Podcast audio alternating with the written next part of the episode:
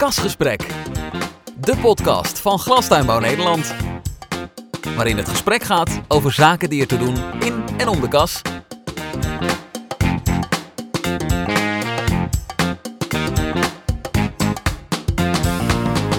Kasgesprek. Welkom bij deze podcast. Ik ben Jacqueline van Stralen en praat vandaag vanuit Tomato World over arbeidsmigratie met Peter Loef en Ruud Dukker. Welkom heren. Dankjewel. Ruud, om met jou te beginnen. Eh, je teelt tomaten. Kun je nog iets meer vertellen over jezelf? Ik ben 54 jaar.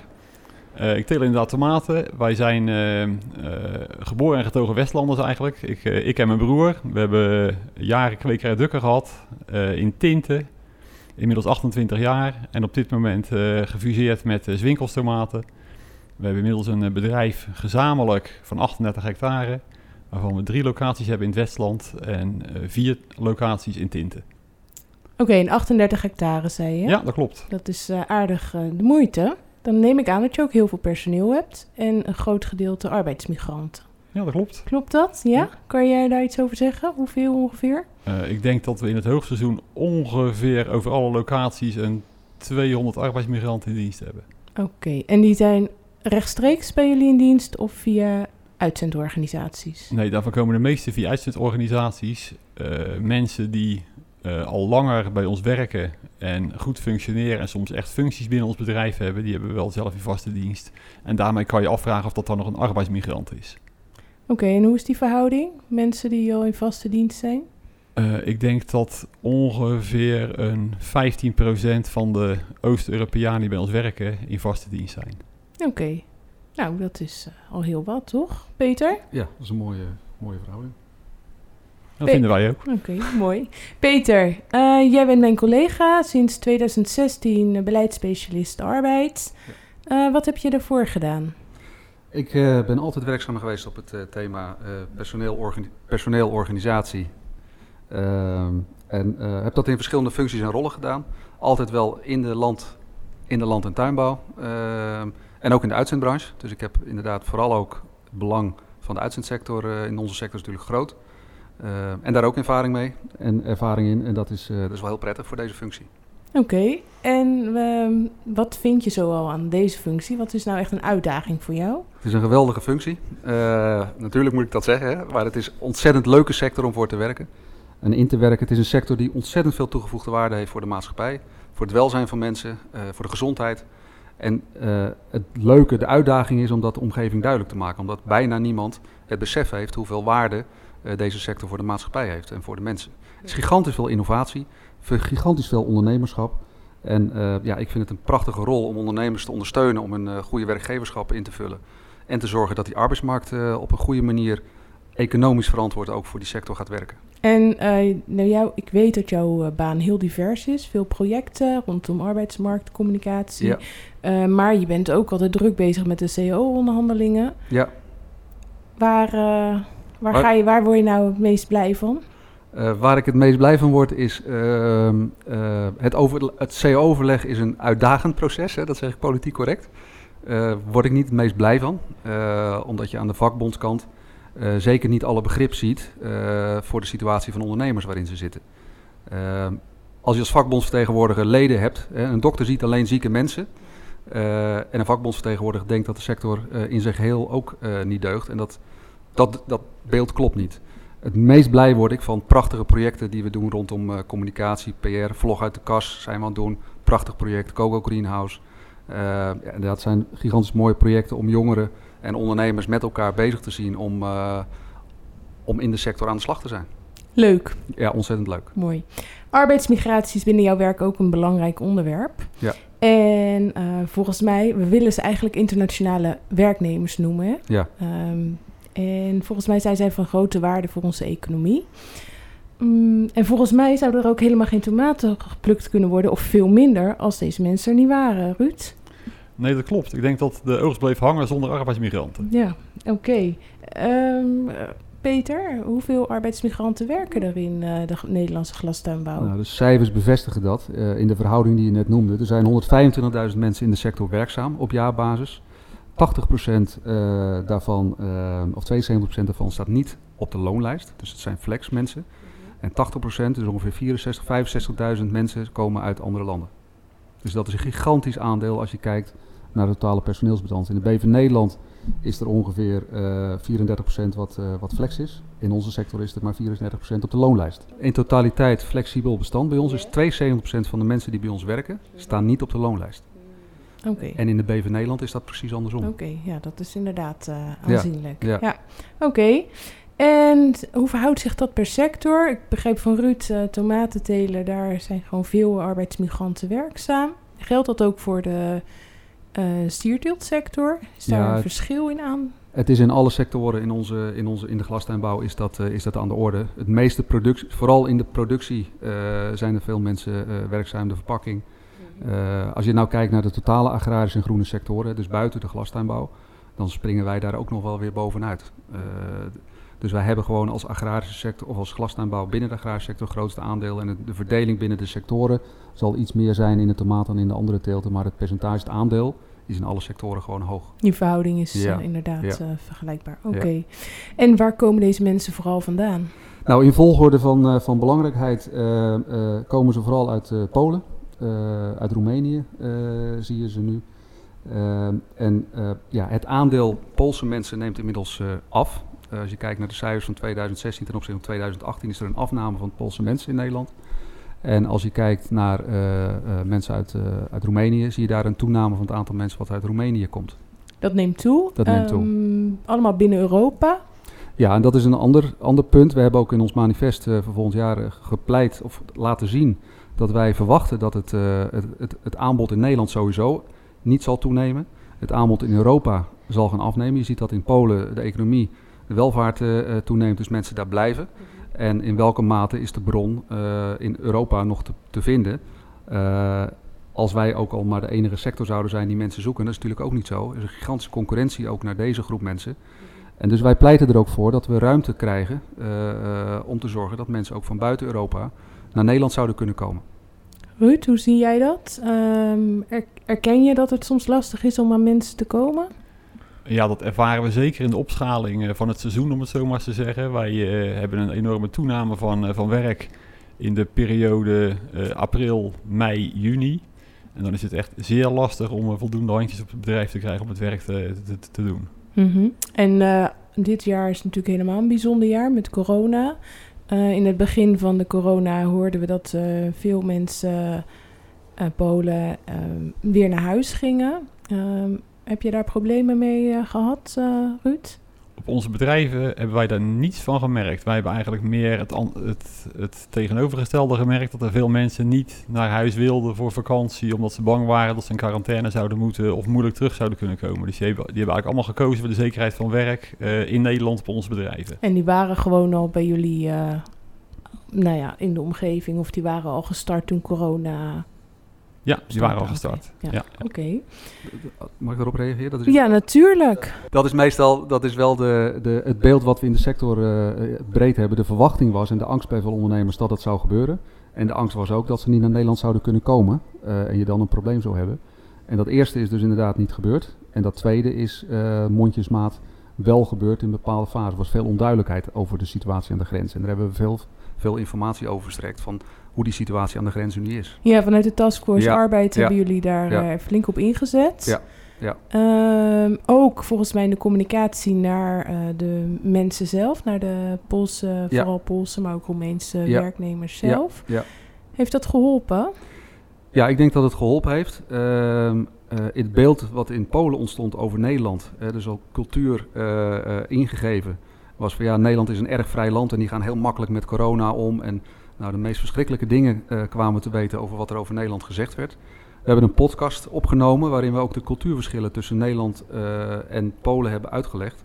Eh is gedaan ook vanuit, een, vanuit de Poolse gemeenschap is dat opgesteld, die podcast. Die hebben we ook in Polen verspreid. Die hebben we ook via social media verspreid. Die is verspreid aan ondernemers, konden ze ook aan werknemers laten zien. Sjaak die heeft, eh, heeft de medewerkers ook nog toegesproken. Hè? Sjaak van de Tak als voorzitter, dat we zo blij waren met ze. Maar dat heeft zeker geholpen dat, eh, dat ook uitleg werd gegeven waarom wij in Nederland op een bepaalde manier onze dingen doen. Ja, en is dat, heeft dat tot wat meer rust eh, geleid onder de arbeidsmigranten? Ja, dat zou je aan eh eh, Ruud? Moeten vragen. Nou, ik denk dat er echt rust geweest is op dat gebied. Wij hebben heel weinig onzekerheid gemerkt bij onze mensen van wat zullen we. Er is eigenlijk maar één echte zekerheid. Wij willen eigenlijk niet terug naar ons thuisland voor dit moment, voor vakantie, omdat we te veel onzekerheid hebben uh, over hoe we in ons thuisland uh, ons aan de regels moeten houden. Met andere woorden, hoe lang moeten we eerst in quarantaine thuis zijn voordat we werkelijk uh, leuke dingen kunnen gaan doen? Ja, duidelijk. Uh, dus belangrijk om ook goed uh, in, uh, nou ja, in polls en zo te communiceren met alle ja. nou ja, veiligheidsmaatregelen en zo die, we, die er waren. Ja. En protocollen. Die zijn ook vertaald volgens mij hebben, in meerdere we, talen. We hebben zelfs een document in zeven talen vertaald. het coronaprotocol is vertaald in veel talen. Gedragsregels zijn vertaald in veel talen. Zijn allemaal beschikbaar gesteld aan de werkgevers en aan de werknemers. Bedrijven hebben ze opgehangen op de werkvloer. Uh, het is gigantisch geweest wat we in een hele korte tijd, nou mede ook dankzij jouw team, uh, communicatie en ook met Stigas, gigantisch veel uh, gecommuniceerd hebben en voorlichting hebben gegeven aan alle mensen. Het is echt enorm geweest wat in korte tijd gepresteerd is. En dat heeft geholpen dus, Ruud, bij jou op het bedrijf? Ja, zulke dingen dragen zeker bij, want wij hebben ook heel veel van zulke soort zaken hebben we aangepakt en aangeplakt binnen ons bedrijf. Uh, er is veel communicatie geweest uh, op alle verschillende locaties uh, tussen het management en onze medewerkers om ervoor te zorgen dat ze zich netjes aan de regels houden, wat de zaken zijn, wat we binnen het bedrijf belangrijk vinden en hoe we kunnen vermijden dat we elkaar zouden besmetten. En dat heeft, laten we zeggen, de, de zaken die LTO en Stigas gezamenlijk gemaakt hebben, die hebben we zeker zeer nadrukkelijk verspreid binnen ons, over onze medewerkers. Ja, Glastuinbouw Nederland inderdaad. Heeft samen met Stigas en uh, meer... Ja. En met NOVO en met LTO Nederland en met uh, Plantum, de KVB en al die agrarische organisaties hebben dat met elkaar gedaan. Ja. Omdat je, uh, ook vanuit de Greenport, omdat je in dit verhaal gewoon één groot, groot belang met elkaar hebt. En dus goede voorlichting en rust. Mooi. Kasgesprek. De podcast van Glastuinbouw Nederland. Ik wil met jullie uh, toch nog wat verder praten over uh, de beeldvorming die er is uh, over arbeidsmigranten. Um, zoals wel blijkt, dragen ze enorm bij aan onze economie. Ze zijn gewoon heel belangrijk. productie zou anders stil komen te liggen als we deze, al deze mensen niet hebben. Toch met regelmaat negatieve berichtgeving in de media over deze groep mensen. Um, realiseren wij ons, Peter, um, ja, belang, hoe belangrijk uh, deze groep mensen is voor onze economie in Nederland? Nee, gewoon een hele duidelijke nee. Uh, als je kijkt naar de, naar de economische waarde uh, van de arbeidsmigrant in Nederland, heeft de ABU dat een aantal jaren geleden laten uitzoeken. En ehm, ja, is tenminste 11 miljard aan, aan, aan bijdragen die deze groep levert. 350 euro per inwoner van Nederland uh, die een, aan de welvaart wordt bijgedragen. Het gigantische impact wat deze groep heeft voor de Nederlandse arbeidsmarkt. Dus kijk naar de exportwaarde van onze sector. Wat er allemaal niet verloren zou gaan als deze mensen in Nederland niet zouden werken.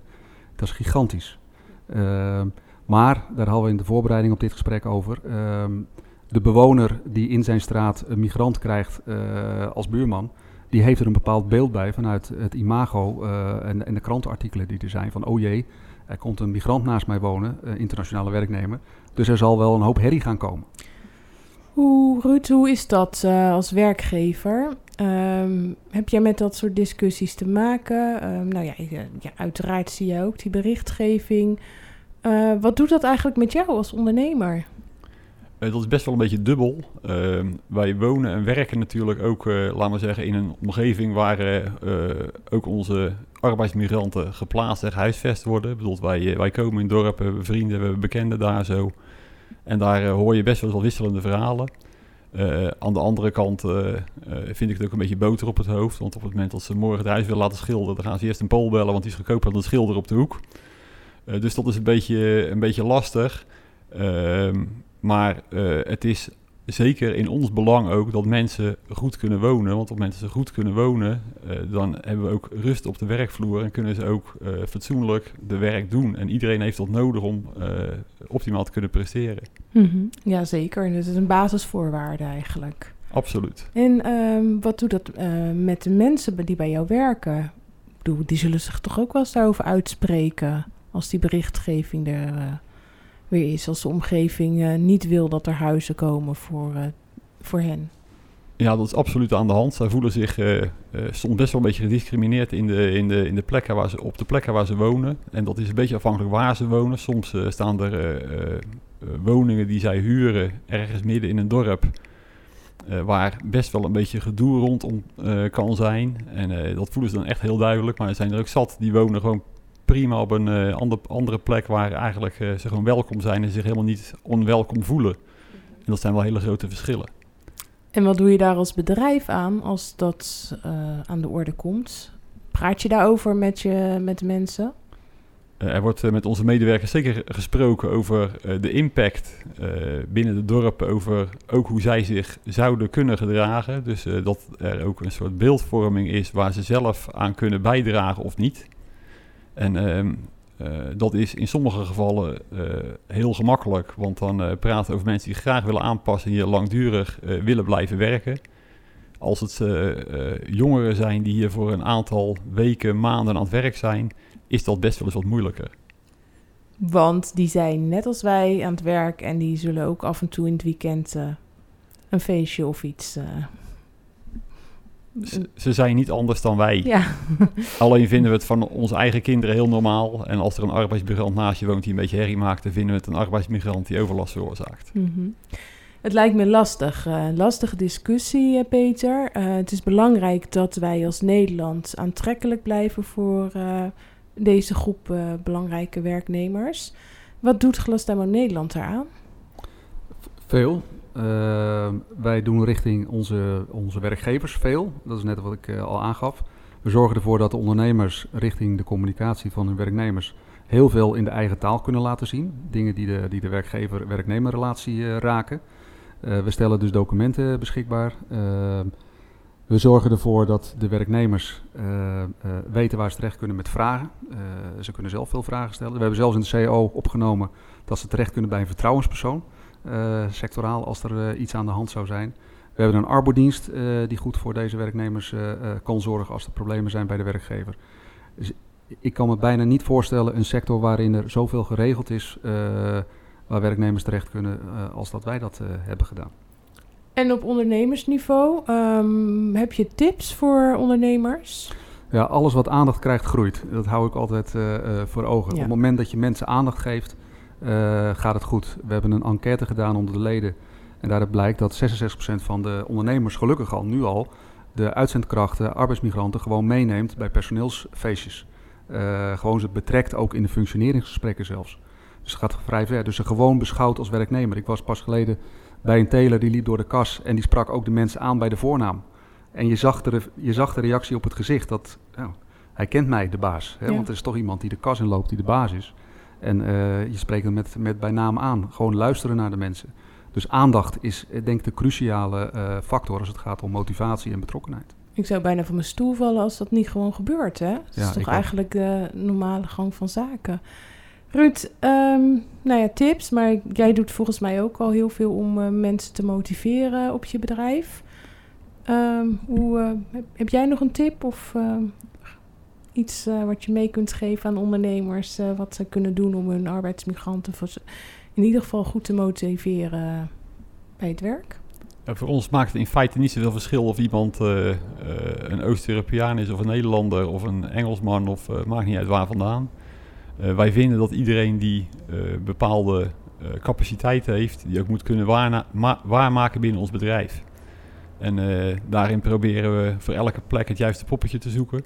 En sommigen die, eh, die zullen inderdaad niet veel verder komen dan het oogsten van tomaten of echte productiewerk. Maar zijn er ook echt zeker bij die ambitie hebben om, eh, om eh, meer te willen en meer te kunnen. Dat laten ze ook zien. En die kunnen dus ook echt doorgroeien binnen ons bedrijf in een, in een andere functie. En dat gebeurt ook. En scholing en dergelijke, is dat nog iets wat bij jullie opgepakt wordt? Mensen spreken in het begin de taal niet. Hoe, Daar hoort scholing zeker bij. Eh, het, eh, het leren van taal moet ik zeggen dat veel mensen die echt ambitie hebben dat zelf regelen. Dus die willen echt zelf per se op Nederlandse les om eh, meer betrokken te zijn bij het werk, maar ook bij de maatschappij. En als er cursussen nodig zijn om ze beter te laten functioneren in de ambitie die ze hebben, dan worden die gefaciliteerd door ons bedrijf. Dus daar vinden ook zeker sp- gesprekken plaats met mensen. Gewoon over hun functioneren en de eventuele doorgroeimogelijkheden. Heel mooi. Dat is voor ons vanzelfsprekend. Kijk, daar eh, wil je werken. Kasgesprek. De podcast van Glastuinbouw Nederland. gaan we nog even door ehm, op de huisvesting. Eh, want dat is eh, natuurlijk gewoon belangrijk, gaf Ruud al aan. Goede huisvesting is gewoon een basis. Een basis om te kunnen leven en te kunnen werken. Ehm, je gaf al even aan hoe dat voor jullie is georganiseerd. Ehm, nou hebben jullie bedrijf in het Westland en eh, eh, rondom Tinten. Eh, zit daar verschil in de huisvesting? Zijn er andere faciliteiten? Eh, dat is een beetje uitzendbureau afhankelijk, moet ik wel zeggen. Eh, wij faciliteren zelf als bereid zijnde geen, geen huisvesting. Dat doen de uitzendbureaus voor ons die ook de mensen voor ons regelen. En ik moet zeggen dat er uitzendbureau, op uitzendbureau niveau wel verschillen zijn hoe het bij de ene en bij de ander geregeld wordt. we merken wel dat met name op de Zuid-Hollandse eilanden, dus in Tinten, en meer mensen echt in de dorpen wonen, omdat er buiten de dorpen minder mogelijkheden zijn. En we zien, en dat zijn vaak losse huizen die in een wijk staan, dus die ook heel verspreid liggen. daarnaast zien we dat op onze Westlandse locaties er meer mensen in, met name Vlaardingen en Schiedam wonen. En die wonen dan soms ook in huisvestingen met 20, 30, 40, 50 mensen bij elkaar in de buurt. Dus niet hetzelfde huis, maar wel bij elkaar in de buurt. En allemaal huisjes die in dezelfde flat zitten of iets dergelijks. Oké, okay. en uh, je had het al even over het uitzendbureau. Um, waar kijken jullie naar voordat je in zee gaat met uitzendbureaus? We willen dat goed geregeld is. En uh, dat is uh, voor een deel is dan een gevoelskwestie. Maar dat is ook een deel zaken die we wel willen dat ze aantonen dat ze ook bepaalde zaken, bepaalde standaarden wel hebben op het gebied van huisvesting, vervoer, betalen en omgang met, uh, met uitzendkrachten. Oké, okay, en daar zijn keurmerken voor, uh, weet ik Peter. Daar kun jij misschien nog iets over aan toevoegen? Ja. Um, we hebben in de CO zelfs opgenomen dat, uitzend, dat telers vooral alleen maar zaken mogen doen met uitzendbureaus die uh, gecertificeerd zijn, SNA gecertificeerd zijn. Nou, er is het keurmerk voor een SNF, Stichting Normering Flexwonen, waar uitzendbureaus uh, dan aan moeten voldoen. En er is ook het agrarisch keurmerk Flexwonen voor de kortdurende huisvesting. Uh, dus er zijn voldoende uh, waarborgen qua keurmerken waar de ondernemers op letten.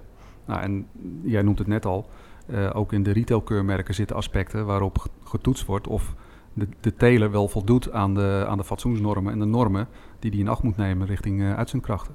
Oké. Uh, nou, um, in coronatijd uh, is dat, let dat allemaal nog iets nauwer. Um, we hebben Roemer, die is langs geweest uh, met zijn aanjaagteam um, bescherming arbeidsmigranten. volgens mij ook de glastuin, heeft hij ook de glastuinbouw bezocht. Ja. En hij had volgens mij ook wat aanbevelingen nog ten aanzien van de huisvesting. Ja, Kun je daar iets over zeggen? Ja, gelukkig dat Roemer de sectoren of de locaties bezoekt waar dingen gebeuren. Uh, wij zijn met het advies van Roemen voor een heel groot deel zijn we het eens. Uh, het vervelende alleen is dat je bijna een vooringenomenheid merkt ten aanzien van de situatie van migranten en het gedrag van ondernemers. En dat is wat ons steekt. 95% van de bedrijven doet het goed. Uh, en als je alleen de bedrijven bezoekt waar het niet goed gaat of alleen die signalen oppakt en als voorbeeld neemt voor de hele, voor de hele groep de slechte voorbeelden, ja, dan, gaat het, dan gaat het dus niet goed. het advies voor huisvesting is dat er één persoon per kamer uh, uh, zou moeten.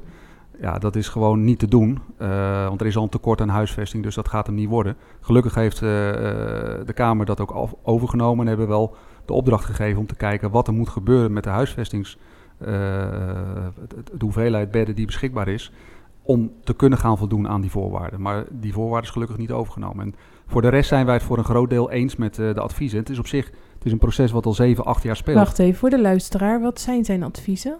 Nou, zijn adviezen zijn onder andere dus één persoon uh, per kamer. Het gaat om de verplichte registratie, dat die beter moet. Hè, want we weten helemaal niet hoeveel migranten nou exact overal uh, zijn. Dat is een belangrijke. De zorgplicht. we weten niet hoeveel arbeidsmigranten er zijn. Nee, die dus begrijp hele, ik niet helemaal. Het hele systeem met registratie van migranten, dat loopt niet soepel. Het uitschrijven daarvan loopt niet soepel. Oh, okay. Dus daar zit een, daar zit een lacune in de inzichtelijk krijgen. Uh, waar die erg op uh, vastzit is de afhankelijkheidssituatie. Dus een werknemer uh, die in dienst is van een uitzendbureau het, de opdracht eindigt en dan komt, het, eh, komt de werknemer op straat te staan en die moet maar kijken waar die is en niet meer verzekerd is. Dus daar zit hij heel erg op. Nou, ja, daarvan zeggen wij ook, ja, eh, logisch dat, je, eh, dat dat niet van de een op de andere dag afgelopen moet zijn.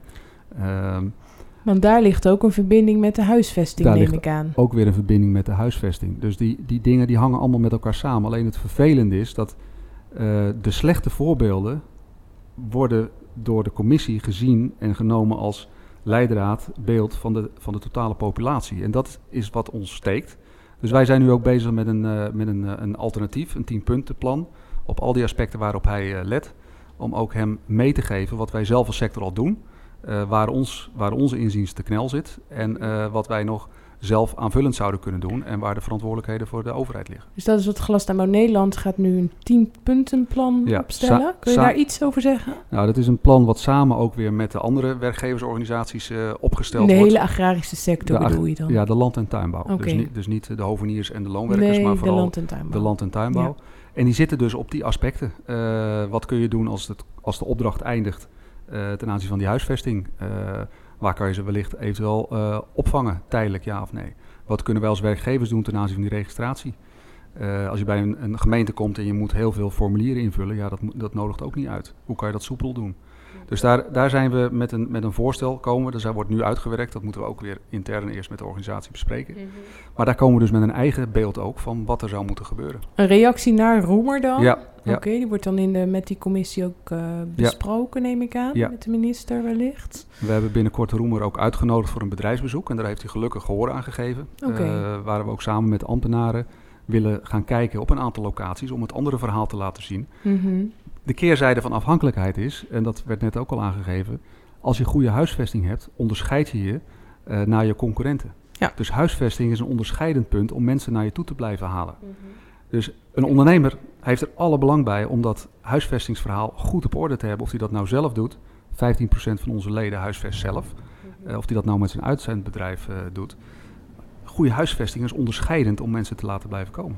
Ja, en ik neem aan dat hierin dus ook nauw met de uitzendorganisaties wordt opgetrokken. Ja, eh, niet altijd. Eh, omdat de uitzendbranche natuurlijk ook zijn eigen keurmerk en zijn eigen overleg heeft.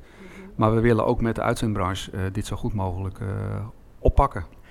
Ruud, als jij dit zo hoort, die aanbevelingen van Roemer, ehm, wat, is er dan, wat komt er dan bij jou in je op? Kun je je daarin vinden?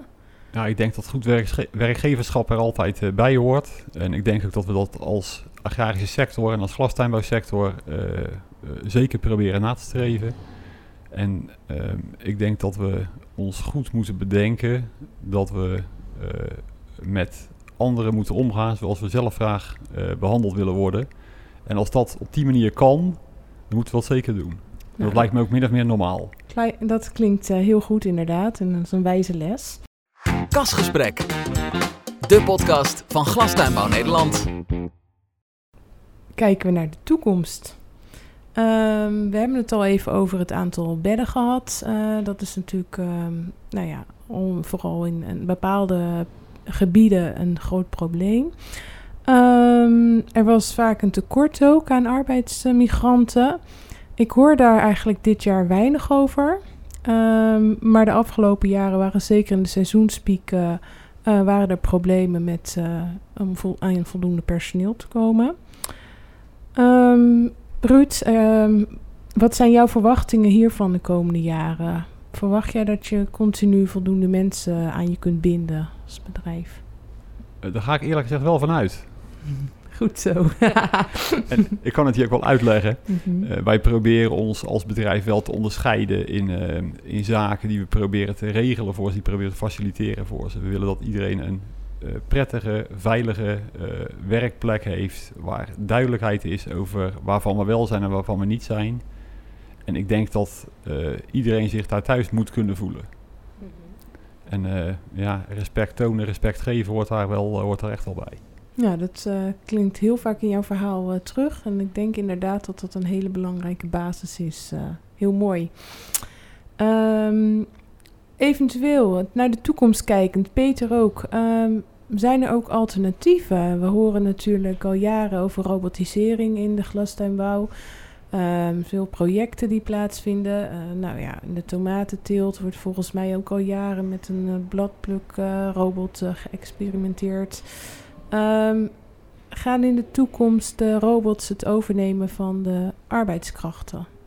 We hebben in januari eens een, een opdracht uit laten voeren door de Wageningen Universiteit. Die hebben ze opgeleverd en daaruit kwam heel nadrukkelijk naar voren dat zij, maar ook de sector, de ondernemers, zeker niet verwachten dat binnen nu en tien jaar uh, de sector een, een, grote slag zal hebben gemaakt met robots ter vervanging van mensen.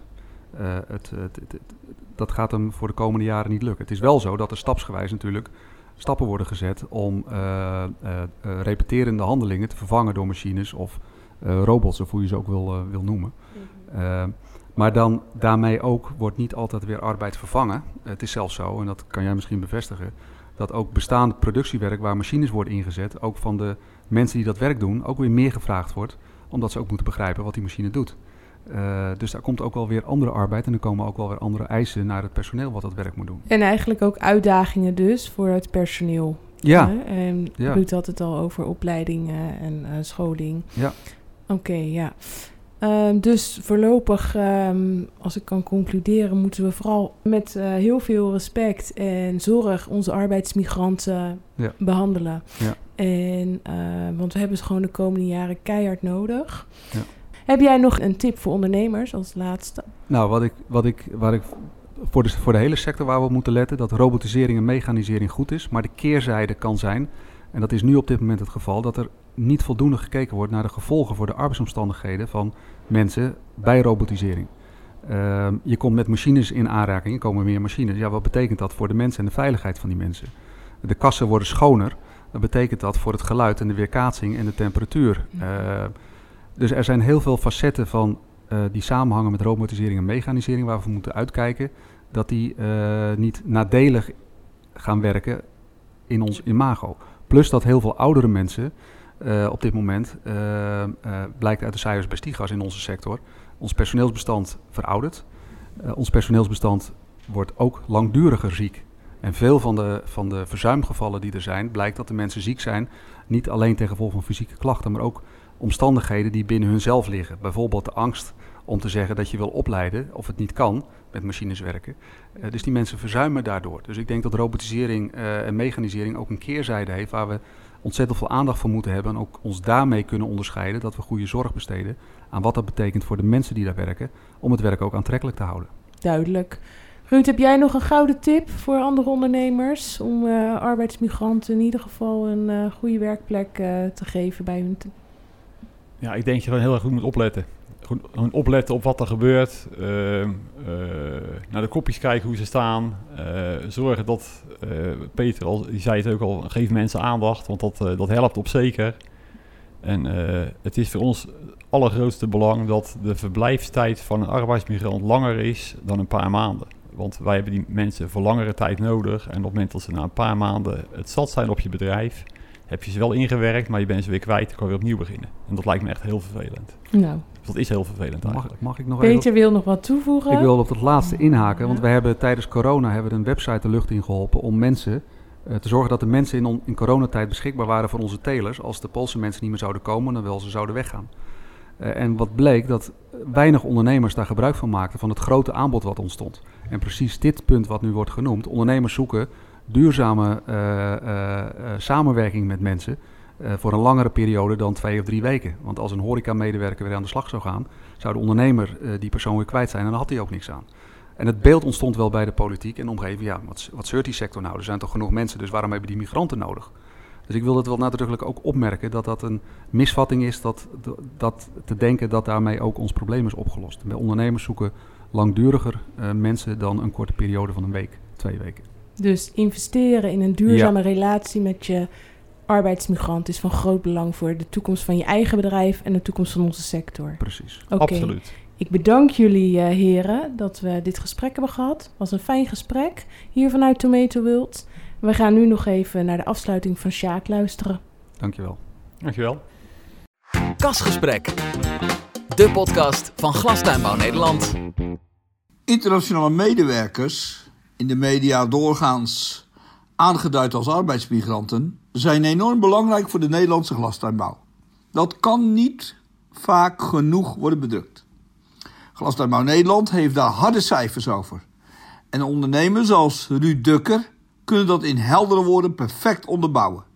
Teelbedrijven als Bright horen tot de 95% van de bedrijven in onze sector die de zaken op het gebied van internationale medewerkers prima op orde hebben.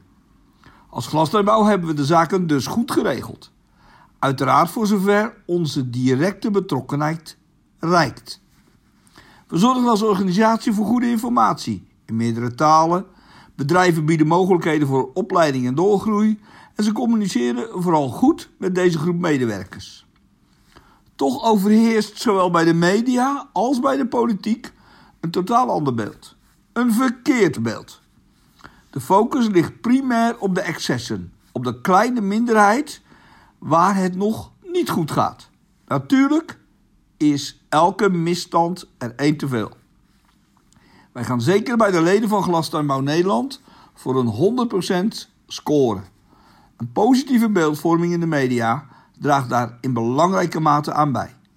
Daarom hebben we Emiel Roemer van het aanjaagteam Bescherming Arbeidsmigranten uitgenodigd voor een nieuw bezoek aan onze glastuinbouw. Dan komt ongetwijfeld ook de huisvesting ter sprake. Dat is in de meeste gevallen de verantwoordelijkheid van het uitzendbureau. Ook zij moeten gaan voor een 100% positieve score. De lokale en regionale overheden moeten eveneens hun verantwoordelijkheid nemen. De interesse van internationale medewerkers voor de Nederlandse glastuinbouw wordt bepaald door de aard van het werk en de sfeer op de bedrijven. Maar zeker ook door de huisvesting. Alles moet kloppen om ook in de toekomst te kunnen beschikken over voldoende, goed gemotiveerde internationale medewerkers in onze kassen. Kasgesprek. De podcast van Glastuinbouw Nederland.